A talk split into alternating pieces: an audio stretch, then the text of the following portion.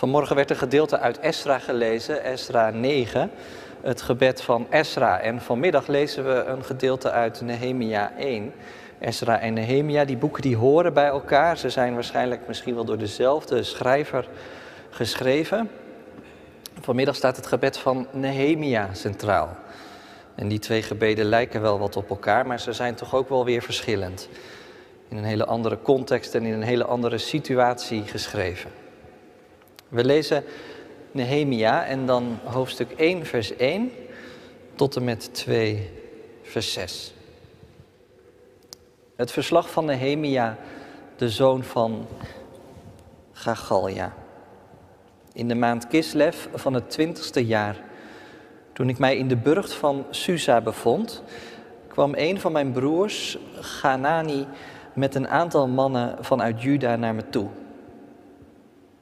Ik vroeg hun hoe het de Joden verging die waren overgebleven en de ballingschap hadden overleefd en informeerde naar de toestand in Jeruzalem. Ze vertelden me dit.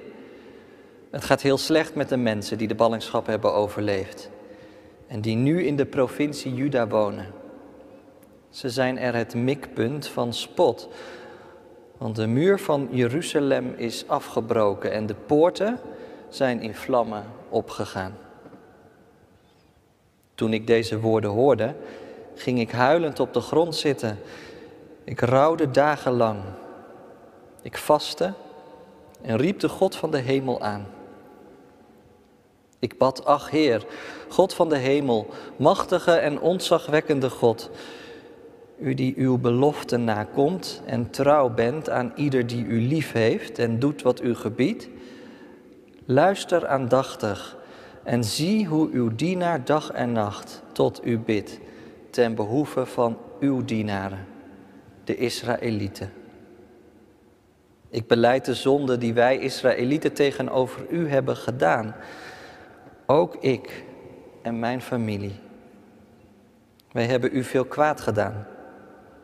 Wij hebben ons niet gehouden aan de geboden, voorschriften en rechtsregels die u van, aan Mozes, uw dienaar, hebt gegeven. Denk toch aan wat u Mozes hebt voorgehouden. Als jullie ontrouw zijn, zal ik je onder alle volken verstrooien. Maar als jullie naar mij terugkeren en je houden aan mijn geboden en die naleven, zal ik jullie, ook al zouden jullie verbannen zijn naar het eind van de hemel, terughalen en bijeenbrengen op de plaats die ik heb uitgekozen om er mijn naam te laten wonen. De Israëlieten zijn uw dienaren. Zij zijn uw volk. U hebt hen door uw grote macht en met uw sterke hand bevrijd. Ach, mijn Heer, luister toch aandachtig naar het gebed van uw dienaar en naar dat van al uw dienaren die uw naam willen eerbiedigen. Laat me vandaag toch slagen en laat de koning mij welgezind zijn. In die tijd was ik schenker aan het hof van de koning. Het was in de maand Nisan, in het twintigste regeringsjaar van Artaxerxes. De wijn stond op tafel. Ik nam de wijn en bood die de koning aan. Nooit had hij iets op me aan te merken gehad, maar nu zei hij: Waarom kijk je zo somber? Je bent toch niet ziek? Er is vast iets dat je dwars zit. Ik schrok hevig en zei: Majesteit, leef in eeuwigheid. Hoe zou ik niet somber zijn als de stad waar mijn voorouders begraven zijn is verwoest en haar poorten in vlammen zijn opgegaan? Wat is dan je wens? vroeg de koning. Ik bad tot de God van de hemel en antwoordde de koning, als het de koning goed dunkt en als u het mij, uw dienaar, toestaat, zend mij dan naar Juda om de stad te herbouwen waar mijn voorouders begraven liggen.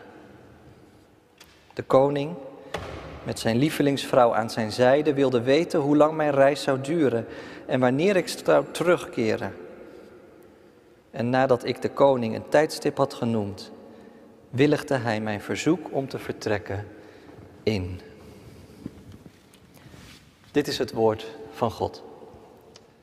Gemeente van Christus, broeders en zusters hier in de kerk aanwezig en ook thuis met ons verbonden. Afgelopen donderdag vierde een deel van ons volk voor de tweede keer in hetzelfde jaar bevrijdingsdag. Het was namelijk Ketty Kotti, een jaarlijks feest- en herdenkingsdag vanwege het afschaffen van de slavernij in 1863 door de Nederlandse overheid. Ketty Kotti, dat betekent letterlijk ketenen gebroken. In de media klonk de vraag of die dag niet eigenlijk een nationale feestdag zou moeten zijn. En daar hoorde je dan weer tegengestelde geluiden over. Maar voor de burgemeester van Amsterdam was er in ieder geval alle aanleiding om namens de stad excuses aan te bieden. Voor de rol die Amsterdam in de geschiedenis van de slavernij had gespeeld. Het ging er vanochtend ook al even over in de preek. Natuurlijk, de Nederlander van vandaag heeft op het eerste gezicht niets met de afschuwelijke machtsstructuren van toen te maken. Maar aan de andere kant, we moeten er ook niet van wegkijken. Want zou het vandaag helemaal verdwenen zijn, de slavernij? Nee, natuurlijk niet, dat weten we allemaal. En wat als de gebeurtenissen van eeuwen geleden niet alleen iets zeggen over toen, maar ook over nu. En niet alleen over hen, maar ook over ons. Over waartoe wij als mensen blijkbaar in staat zijn. Dus het gaat over ons eigen welvaren, onze eigen groei. En het roept ook deze vraag op: zouden er ook vandaag niet allerlei machten en structuren zijn die ons gewoonweg gevangen houden? die ons in een soort keurslijf drukken. Nou, vanmiddag komen we iemand tegen die inderdaad in een keurslijf zit. En dat is Nehemia. Hij zit gevangen op de burcht Susa, het buitenverblijf van de Persische koning. En hij zit niet gevangen in de boeien, in een kerker op water en brood of zo. Nee, hij zit gevangen in een keurslijf. Hij heeft eigenlijk op het eerste gezicht een prima leven. Hij is namelijk schenker van de koning. Een echte vertrouweling aan het hof. In ieder geval, zolang die doet wat de koning zegt. En dat lijkt gemakkelijker dan het is. Nee, dat lijkt moeilijker dan het is. Want die koning is nogal wantrouwig. Artaxerxes zit vol met wantrouw. Dat zal te maken hebben met zijn biografie, want hij is de zoon van koning Xerxes I. En die was door een groep hovelingen vermoord, samen met zijn oudste zoon Darius. En de jongste zoon, die was ontsnapt, Artaxerxes. Hij had de schuldigen uiteindelijk terechtgesteld en daarmee was dit hoofdstuk, deze paleiskoep als het ware, afgerond. Maar het drama geeft wel aan hoe erg je op de hoede moest zijn in dat paleis, aan dat hof. Als koning, maar ook als schenker.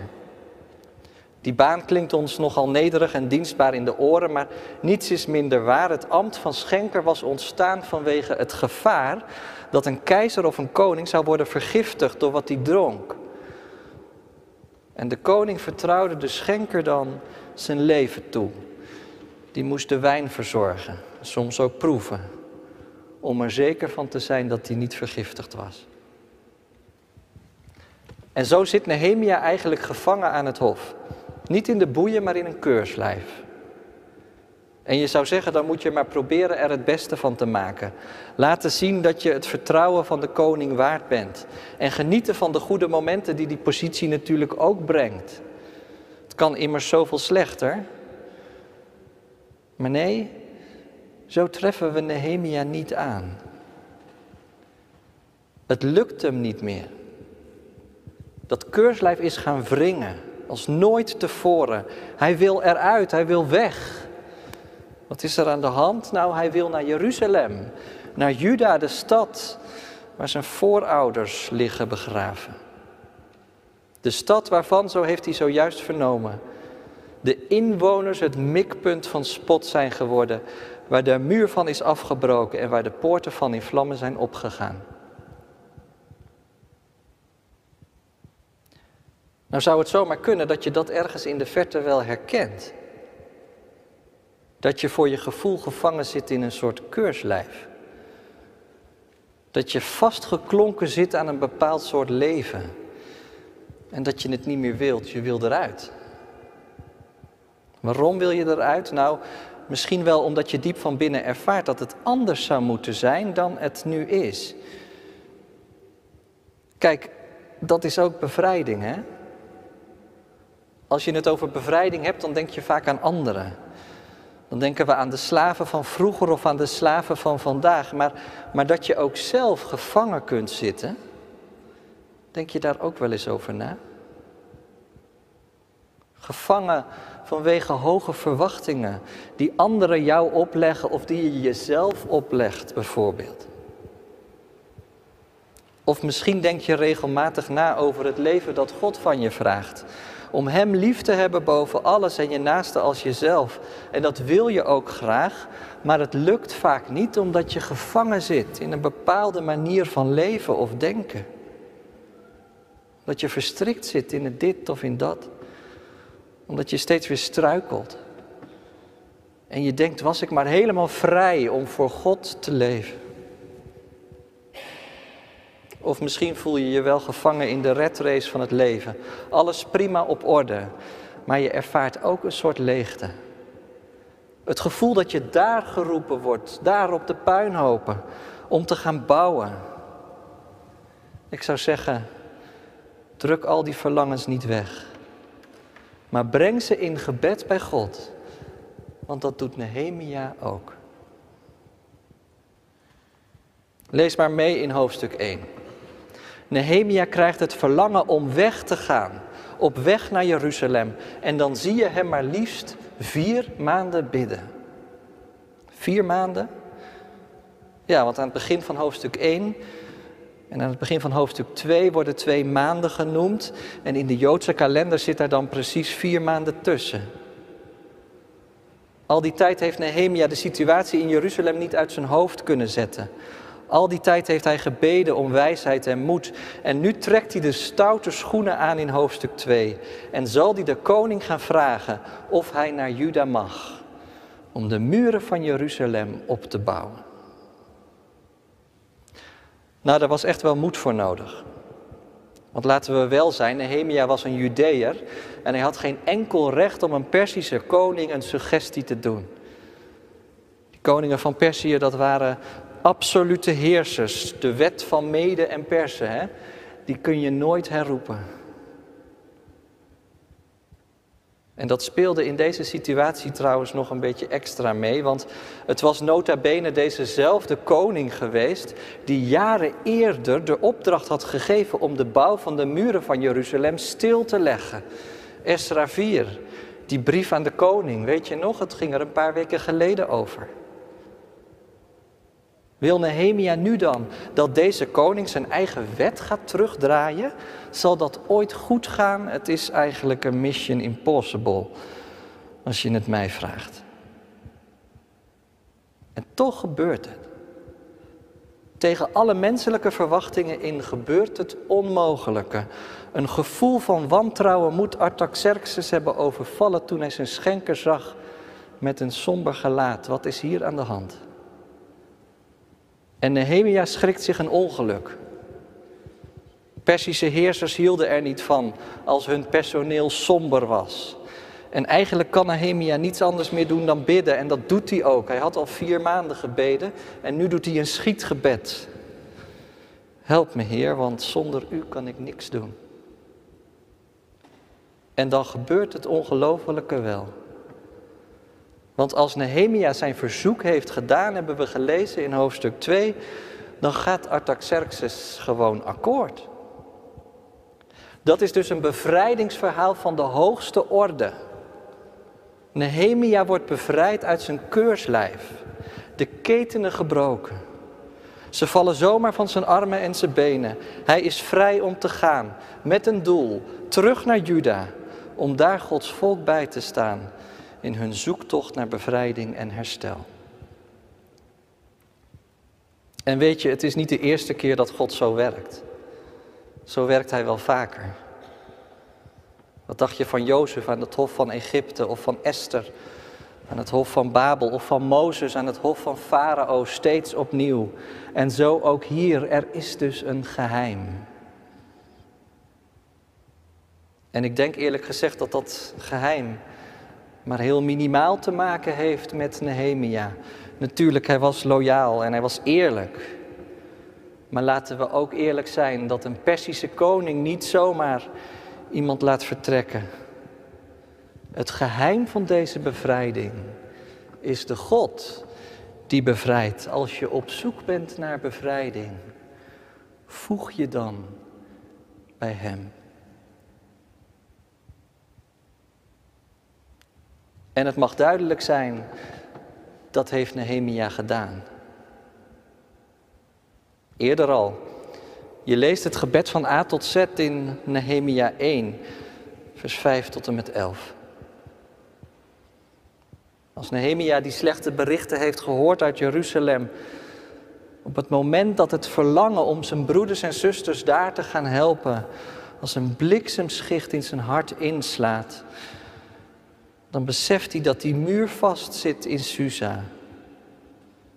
En dat brengt hem bij dit gebed. Eigenlijk is het een gebed in drie stukken. Het begint met dankzegging, aanbidding eigenlijk. Dan gaat het naar schuldbeleidenis. En dan komt er opnieuw de dank aan God ter sprake. Dat begin is vol aanbidding. Nehemia 1, vers 5. Heer, u bent de God van de hemel, u bent machtig en ontzagwekkend. U komt uw belofte na en u bent trouw aan ieder die u lief heeft en doet wat u gebiedt. Eigenlijk begint Nehemia met een soort hele korte geloofsbeleidenis. Heel krachtig. Over Gods soevereiniteit en over zijn liefde, over zijn trouw en zijn vermogen om alles te zien en te horen wat er gaande is. Inclusief dat gebed van Nehemia. Eigenlijk moet een gebed daar altijd beginnen. Bij de aanbidding van de God die alle aanbidding waard is. Omdat Hij de schepper is van de hemel en de aarde en omdat Hij die hele wereld nog steeds in zijn handen heeft. En tegelijkertijd maakt zo'n gebed je ook al heel snel klein voor God. En dan kan het dus ook bijna niet anders dat in dit gebed Nehemia vanuit de aanbidding naar de schuldbeleidenis beweegt. Vers 6. Ik beleid de zonde die wij Israëlieten tegenover u hebben gedaan. Ook ik en mijn familie. We hebben u veel kwaad gedaan. We hebben ons niet gehouden aan de geboden, voorschriften en rechtsregels die u aan Mozes, uw dienaar, hebt gegeven. Daar zit heel veel in. Maar het meest opvallende is misschien wel dat Nehemia zichzelf in die schuldbeleidenis meeneemt. Je zou kunnen zeggen, is dat nou wel nodig? Want die stad Jeruzalem die was toch al verwoest, ver voordat Nehemia überhaupt geboren werd. Denk nog even na over die excuses van burgemeester Halsema. Een aantal Amsterdammers vond het niet nodig. Ons slavernijverleden ligt toch achter ons? En toch zegt Nehemia het zo. Wij hebben gezondigd. Mijn volk, mijn familie en ja, ook ikzelf. Kijk, daarmee toont Nehemia zich dus solidair met het volk, met de mensen van Juda. Hun zonden zijn mijn zonden. Hij probeert zich niet van de mensen daar te distancieren, gaat niet met zijn vinger wijzen. Hoe zou dat komen? Nou, misschien wel omdat Nehemia ten diepste weet dat hij zelf ook schuldig is. Dat er eigenlijk geen enkele zonde van het volk is die leidde tot de val van Jeruzalem toen, waaraan hij niet zelf schuldig is of zomaar zou kunnen zijn omdat de zonde en de gebrokenheid inderdaad de hele wereld doortrekt. Ik las ergens dat iemand het boek Nehemia het oudste boek over leiderschap noemde. En inderdaad, je kunt van Nehemia als leider veel leren. Dat blijkt ook als je verder leest. Maar misschien wel in de eerste plaats dit. Dat Nehemia niet wegloopt met zijn eigen talent of met de gaven die hij heeft en een ander niet. Integendeel, een echte leider, zo las ik in dat commentaar, is zich bewust van het feit dat hij ten diepste net zo schuldig is als ieder ander. En dat de werkelijke bevrijding daarom elders ligt. Niet bij die leider, maar bij iemand anders. Waar dan nou? Daarvoor hoef je alleen maar verder te lezen in dat gebed. Want van de schuldbeleidenis beweegt Nehemia vervolgens naar een vorm van dankzegging. Denk toch aan wat u Mozes hebt voorgehouden. Nehemia gaat pleiten op de grote daden van God. Als jullie ontrouw zijn, zal ik je onder alle volken verstrooien. Ja, maar als jullie naar mij terugkeren en je houden aan mijn geboden en die naleven, dan zal ik jullie terughalen en bijeenbrengen. De Israëlieten zijn uw dienaren, ze zijn uw volk, zegt Nehemia. U hebt hen door uw grote macht en met uw sterke hand bevrijd. Uit Egypte en uit Babel. Dus u bent een God die bevrijdt, dat doet u dan toch nu nog steeds. Wat Nehemia zegt zijn woorden uit het Oude Testament. Geen exacte citaten, maar wel woorden die op treffende wijze uitdrukken waar het in het verbond tussen God en zijn volk steeds om gaat. En dat brengt Nehemia met dankbaarheid in herinnering. Als wij u volgen willen, dan wilt u ons toch zegenen. Dat hebt u toch beloofd? Nou, laat dat dan ook ons voornemen zijn. En laat mij daarin een hoofdrol spelen. Laat me toch slagen. En laat de koning me welgezind zijn. Zie je wat er gebeurt? Waar Nehemia zich zojuist met de schuld van het volk identificeerde, zo kan hij nu in zijn berouw datzelfde volk vertegenwoordigen bij God. En op die manier is God hem genadig. Hij staat dus eigenlijk tussen God en het volk in. En dan kan je natuurlijk niet anders dan de lange lijn trekken naar Jezus Christus. Want Nehemia is hier eigenlijk een soort voorafschaduwing van wat straks zal gebeuren in hem. Jezus Christus zal straks bidden voor het volk in het hoge priesterlijk gebed. Maar tegelijkertijd zal Hij nog veel verder gaan. Hij zal lijden en Hij zal sterven tot een volkomen verzoening van al onze zonden. En dan ben je eigenlijk bij het avondmaal. Dat is een maaltijd die je met recht een bevrijdingsmaaltijd zou kunnen noemen. Toen Jezus het instelde in het bovenhuis in Jeruzalem, toen waren ze daar samen om het paascha te vieren. De bevrijding uit het keurslijf van Egypte. Maar de bevrijding die Jezus later zou bewerkstelligen, zou nog veel dieper en veel omvattender zijn. In de woorden van het formulier dat we zojuist lazen. Hij gebonden om ons te bevrijden. Hij ter dood veroordeeld om ons vrij te spreken. Hij van God verlaten opdat wij door God aangenomen zouden worden. En nooit meer door Hem verlaten zouden worden. In Christus met God verzoend. Ongelooflijk. Als dat geen bevrijding is. Dat zijn woorden om vol dankbaarheid op je in te laten werken. En dat zijn tegelijkertijd ook woorden die je op weg willen helpen. Het avondmaal als uitleiding uit het keurslijf, waar je door gebonden bent. En als inleiding in een leven achter Christus aan. Ik vind altijd Psalm 32, vers 2 prachtig. Ik zal mijn weg lichtvoetig verder gaan. Gij gaat mij voor, gij maakt voor mij ruim baan. En zo wordt ook Nehemia op weg gebracht. Nadat hij de grootheid van God heeft erkend, zijn eigen zonde en de zonde van het volk heeft beleden en Gods belofte heeft benoemd, legt hij tenslotte een heel concreet verzoek bij God neer. In dat gebed. En dat wordt verhoord. En vertrekt hij uiteindelijk als vrij man, nota bene met een politie-escorte erbij, naar Jeruzalem, naar Juda, om het volk van God voor te gaan.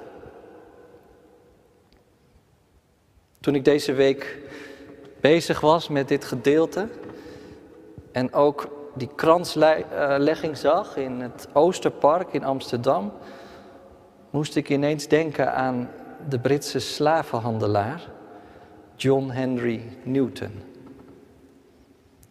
Hij leefde in de 18e eeuw. Hij werd geboren in de buurt van Londen en had bepaald geen rustige jeugd. Na een korte tijd voor de Royal Navy te hebben gewerkt, begon hij in de slavenhandel. En hij zag de gruwelijkheden om zich heen en deed er eigenlijk niets aan. Over gevangenen in een keurslijf gesproken. Maar later zou hij openlijk afstand nemen van de slavenhandel. En dat pas nadat hij zelf op wonderlijke wijze aan de dood was ontsnapt. Newton was met een schip op zee toen het hevig was gaan stormen. Zo hevig dat de meeste zeelui op het schip overboord waren geslagen. Hij was helemaal alleen overgeleverd aan de storm. Of misschien wel overgeleverd aan God, wie zal het zeggen? Maar midden in de storm was hij door God bevrijd en op een ander spoor gezet. En hij schreef het lied Amazing Grace. Gena van God, hoe loof ik u voor redding onverdiend, verloren eens gevonden nu, een blinde die mag zien. Genade toonde mij mijn schuld en heeft mij vrijgekocht. Gena heeft mij met dank vervuld toen ik geloven mocht. Mooi is dat, vind je niet? Dat steeds opnieuw mensen tot de ontdekking komen dat er een God is die genade geeft en die bevrijdt en die trouw blijft. Een blinde die mag zien. En zo mogen wij de nieuwe week in. Mogen we die belofte meenemen. We mogen de week ingaan met open ogen voor wie God is en voor de wereld en voor onszelf. God die los kan maken uit de sterkste banden. Wat een genade. Amen.